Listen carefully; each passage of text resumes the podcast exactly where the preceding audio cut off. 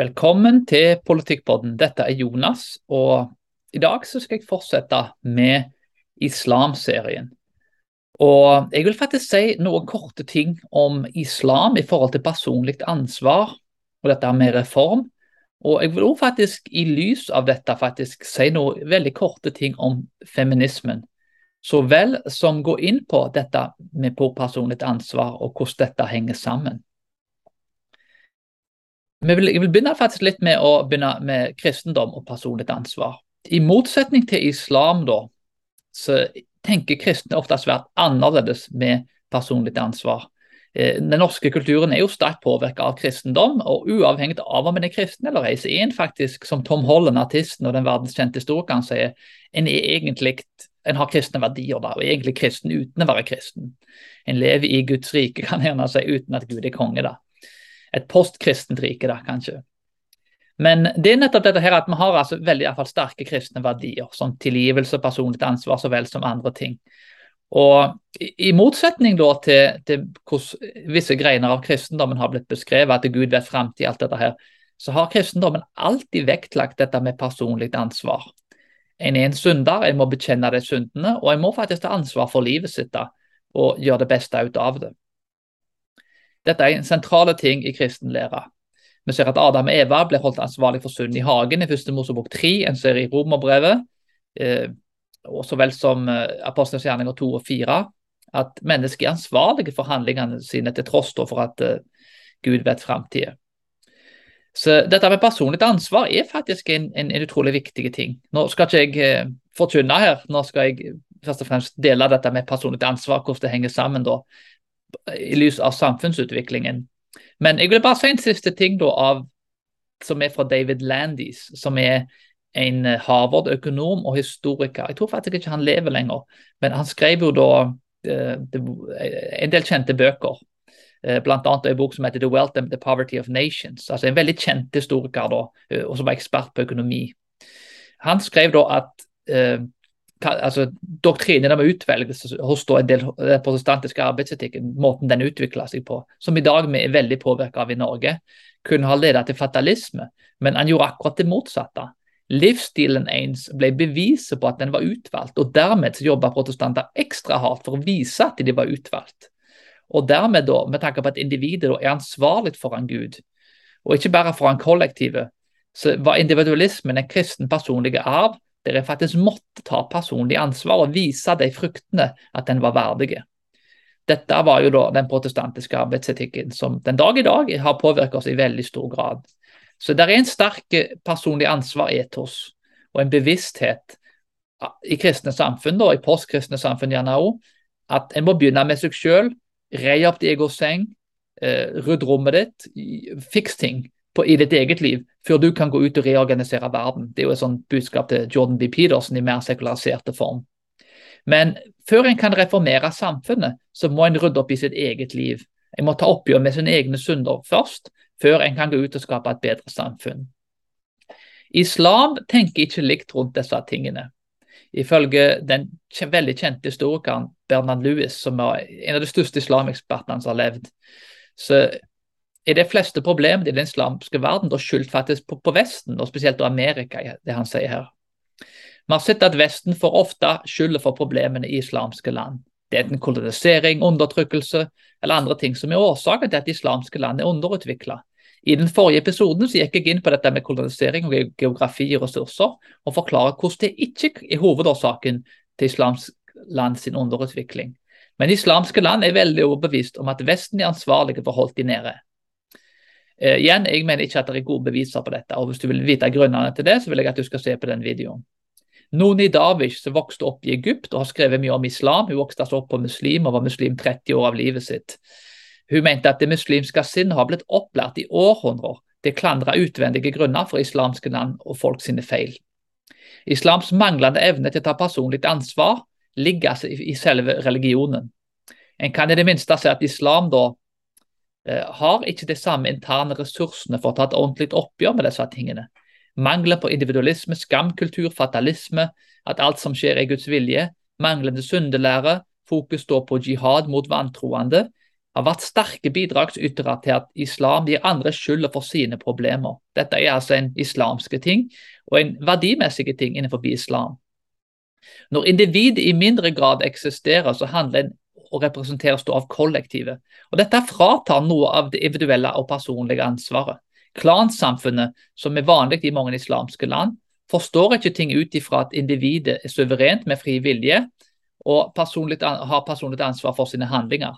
Individet er jo da faktisk en vestlig og faktisk spesifikt en kristen oppfinnelse, om en kan si det sånt. Islam har produsert skamkulturer, i kontrast til skyldkulturer. Dette med mista fjes er noe en unngår, nesten til enhver hver, hver pris. Å innrømme feil og rydde opp på seg selv er vanskelig i en sånn kultur, med tanke på at du blir skambelagt hvis du innrømmer feilene dine. Islam har heller ikke noe å lære om arvesynd, og arvesyndlære har bidratt sterkt til at kristendommen utvikler en større forståelse av personlig ansvar. Islam er også kjent for en lære om fatalisme. Dette til tross for at alle muslimer selvsagt ikke tror på dette. Det er ulike syn selvsagt i den islamske verden òg. Men jeg husker når jeg selv bodde i Jordan, så var det mest brukte ordet var inshallah. Guds vilje skjer. Og dette ordet ble brukt alltid. Dette betyr at samme hva som skjer, om noen dør, noen lever, samme hva som skjer, så er det Guds vilje. Hvis noen detter ut, og, altså ut av en høy bakketopp, eller det detter ned fra en bygning, så er det altså det er Guds vilje. Og det var meningen at det skulle være sånt. Fatalisme kombinert med en islamsk gudeforståelse her har produsert en etikk som i mye, altså mindre grad vektlegger personlig ansvar. Hvis noe skjer, da, så er det Guds vilje, og en gjør faktisk mindre for å prøve faktisk å forhindre at det tingene skjer. I Teheran i Iran, et eksempel her, så var balkongen bygga lavt, og det var vanlig for små barn å krype over balkongen, og de datt ned og døde. Ingenting ble gjort for å forandre dette, for det var inshallah, det var Guds vilje at det skulle skje. Igjen, det er ikke alle som tenker sånn, heldigvis. Og Det er jo andre greiner i islam da, som kanskje er en motpol mot dette. Men dette er en veldig utbredt tenkning, og er faktisk en mainstream-tenkning, i alle fall i islamske land. Carl Viby, da, som har skrevet en veldig god bok som heter 'Terrorens rike', da, som var en, eh, bodde i Saudi-Arabia mange år, påpeker at i islam er alt som skjer ifølge Allahs vilje, og den individuelle beslutningen blir mindre viktige. En har òg læren om jihad som gjør at islam skiller sterkt mellom troende og ikke-troende. Det er en krig mot den ikke-troende, og problemene ble derimot ikke interne, men eksterne. Wafa Sultan, som er en psykolog da, som vokste opp i Syria og var muslim store deler av livet, påpeker at ansvar har ikke noe plass i islamsk tradisjon, dette med personlig ansvar. Sultan påpeker at den muslimske mannen er et produkt av en kultur som ikke vet hvordan han skal ta ansvar, og holder folk Altså, og at folk holder ham ansvarlige for sine feil. Han er altså ikke et produkt av den type kultur. Han er et offer, og hele verden er ute etter å ta han. Hvorfor er dette viktig? Hvorfor tar vi dette opp i det hele tatt? Fordi at liv og land kan ikke leges og bli bedre om en gjør, ikke gjør det en kan for å forandre situasjonen. Livet er ofte urettferdig. Der er undertrykkelse, der er rasisme, der er ulike grunner til at noen starter med sølvskje i munnen, mens andre starter livet uten sølvskje. Mange har mange ting som jobber mot seg i livet. Men uansett situasjon, så er det alltid mange ting en kan gjøre for å forbedre landet og seg selv. Og svært ofte så er en del av problemene i ens eget liv selvforskyldt. Igjen, det er òg mange problemer som ikke er selvforskyldt, selvsagt og situasjonene her er så ulike at en kan nesten ikke generalisere noen ting. Men det er alltid ting en kan gjøre for å forbedre sin situasjon. Å klandre andre for problemene sine vil som regel ofte gjøre ting verre, til tross for det kan være sant at en virkelig er undertrykt. Og Det er et prinsipp her, og jeg kommer sannsynligvis til å lage en, en episode om dette i framtida, men det handler altså om å være proaktive istedenfor å være reaktive. Det vil da si at uansett situasjon, så tenker en ikke at en en undertrykt, en er et offer, og dette var forferdelig. En tenker hva en kan gjøre for å løse problemet. En er løsningsorientert. Og Dette begynner som regel med at en rydder i egne feil. En rydder i sitt eget hus før en kan ordne andre folks og lands problemer. Det er svært vanskelig å se noen som helst form for samfunnsutvikling eh, som klarer å reformere seg selv, om en ikke tar et bevisst valg for å ta ansvar for sitt eget liv rydde opp hos seg selv. Og jeg vil bare si for min del at uh, for, for, min del, så da jeg begynte å ta personlig ansvar for livet mitt, så ble ting mye bedre. når jeg slutta å klandre omstendighetene mine i mitt liv så, og begynte å ta ansvar. Og erkjente at jeg er ikke perfekt, men jeg må begynne med meg selv og rydde opp mitt eget hus før jeg kan gå ut og reorganisere verden. Så jeg vil si at det funka kjempebra. Og det er et prinsipp som vil funke for alle folk. Islams underutvikling må begynne med at muslimer selv tar ansvar og tenker ja, livet er jo rettferdig, men vi skal rydde opp i eget hus først, i eget liv først. Og så kan vi komme med viktige bidrag til verden. Å klandre andre for sine egne feil kan noen ganger sikkert være sant, men det er ikke en oppbyggelig måte å reformere seg selv og sitt samfunn så vel som en religion på. Og Dette er altså noe jeg mener islam da bør jobbe med. Og Dette er ikke bare islam som har dette problemet. Det er en artikkel faktisk i evemagazine.com. Denne artikkelen var skrevet 13.4.2021 av Gwen Farrell. Og den, Der står det over 50% of liberal white women under 30 have a mental health issue. Are we worried yet? Dette er altså en, en uh, research da, fra Pew Research Study som viser disse tingene da, at liberale kvinner er ble diagnosert med, med rett og slett mentale helseproblemer. Eh, hele 50% i, ifølge dette her. Og kvinner her står det er spesielt utsatt pga. disse tingene her. Og en av grunnene her av dette artikkelen går faktisk gjennom dette her til en viss grad. Men det har veldig mye med dette her at uh, en, en, en, tenker om virkeligheten på en måte som da er destruktive. En tenker på seg selv som et offer, som at en blir undertrykt, og at alle er ute etter å ta en. Dette er med å bidra sterkt til denne typen tenkning.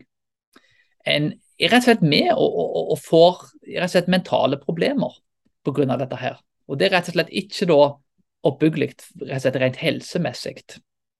En bør altså bekymre seg for disse tingene. Men det går på dette her med personlig ansvar. Konservative i mye mindre grad enn de, de liberale hvite kvinnene her har, har mye mindre av disse problemene og er i snitt da mye lykkeligere. Og grunnen til det, det er mange grunner til at ting er sånn som de er, men én grunn er det at en er mer fokusert på personlig ansvar i konservative kretser. En er mer fokusert på at ja, livet er jo rettferdig. Noen ganger så undertrykker menn kvinner. Noen ganger så er det andre som undertrykker uh, ulike etnisiteter, så vel som de rike som kan undertrykke de fattige. Det kan godt være sant i visse tilfeller, og, og kanskje det er sant ofte. Men allikevel da så har jeg et valg. Jeg kan sitte og klage på situasjonen, eller jeg kan gjøre noe for å forbedre den. Og Jeg kan gå inn i mitt liv og tenke at ja, til tross for denne urettferdigheten, så er heller ikke jeg perfekt. Og jeg kan forbedre meg selv. Jeg kan tenke proaktivt og ikke reaktivt. Jeg kan ikke altså bare klage på problemet, men jeg kan tenke hvordan ble problemet løst? Og Det ser på seg som et offer i plassen for å være løsningsorientert og ta personlig ansvar, er rett og slett ikke mentalt sunt. da. Og Det er noen av de tingene som artikkelen går delvis inn på. I likhet med islam da, så er denne feminismen faktisk noe som er med å bidra faktisk til at folk ikke løser sine egne problemer. Og I det siste tilfellet da, med liberale hvite kvinner, så er det rett og slett helsefarlig å tenke på denne måten. her, Iallfall sånn som jeg ser det. Personlig ansvar å tenke proaktivt istedenfor reaktivt er sunt det er bra og oppbyggelig for et menneske. Og Jeg deler ikke dette budskapet for å være hard og vond, fordi at uff, nå skal jeg ut etter å ta folk.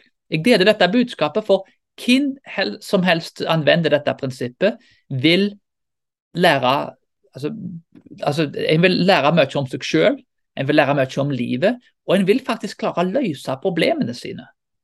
Og en vil klare det selv. Det er ikke andre som gjør det for deg, det er du som gjør det selv. Og når du fører for den mestringsfølelsen og opplevelsen, så er det noe helt fantastisk. Da føler du virkelig at du har mestra livet, og at du har oppnådd noe. Og igjen, vi kan ikke alltid gjøre noe med omstendighetene. Noen ganger så er vi født med mye imot oss, men vi kan alltid, uansett omstendighet, så kan vi alltid gjøre en del ting for å forbedre oss sjøl og for å forbedre samfunnet rundt oss, og være et lys og en kjærlighetsfull og god person som bringer da helbredelse til de rundt oss, så vel som samfunnet. En kan gjøre gode ting med livet sitt. Det er et valg som en alltid tar, Men det begynner at en erkjenner at livet er urettferdig. Men uansett hvor rettferdig ting er, så skal jeg jobbe hardt for å bli den beste versjonen av meg sjøl som jeg kan bli. Jeg skal ta ansvar for mitt liv. Jeg skal rydde vekk de negative tingene i mitt liv og begynne å bygge opp positive ting. Jeg skal ta personlig ansvar og vite at jeg må reformere meg sjøl, reformere mitt hus, og deretter så kan vi begynne å reformere samfunnet. Personlig ansvar, å komme til den konklusjonen at en må ta ansvar for sitt eget liv, er den største velsignelsen og det, kanskje det viktigste du kan dele med folk og si til folk. Om en gjør det motsatte, ikke tar personlig ansvar, så kan det faktisk lede til mentale lidelser. Forhåpentligvis har dette vært en oppbyggelig episode, og forhåpentligvis vil folk etter å ha hørt dette kanskje iallfall eh, i større grad enn før være med og ta personlig ansvar for sine liv, sånn at de kan få det bedre, de rundt de kan få det bedre, og samfunnet kan bli bedre. Det var alt for i dag. Vi snakkes snart igjen.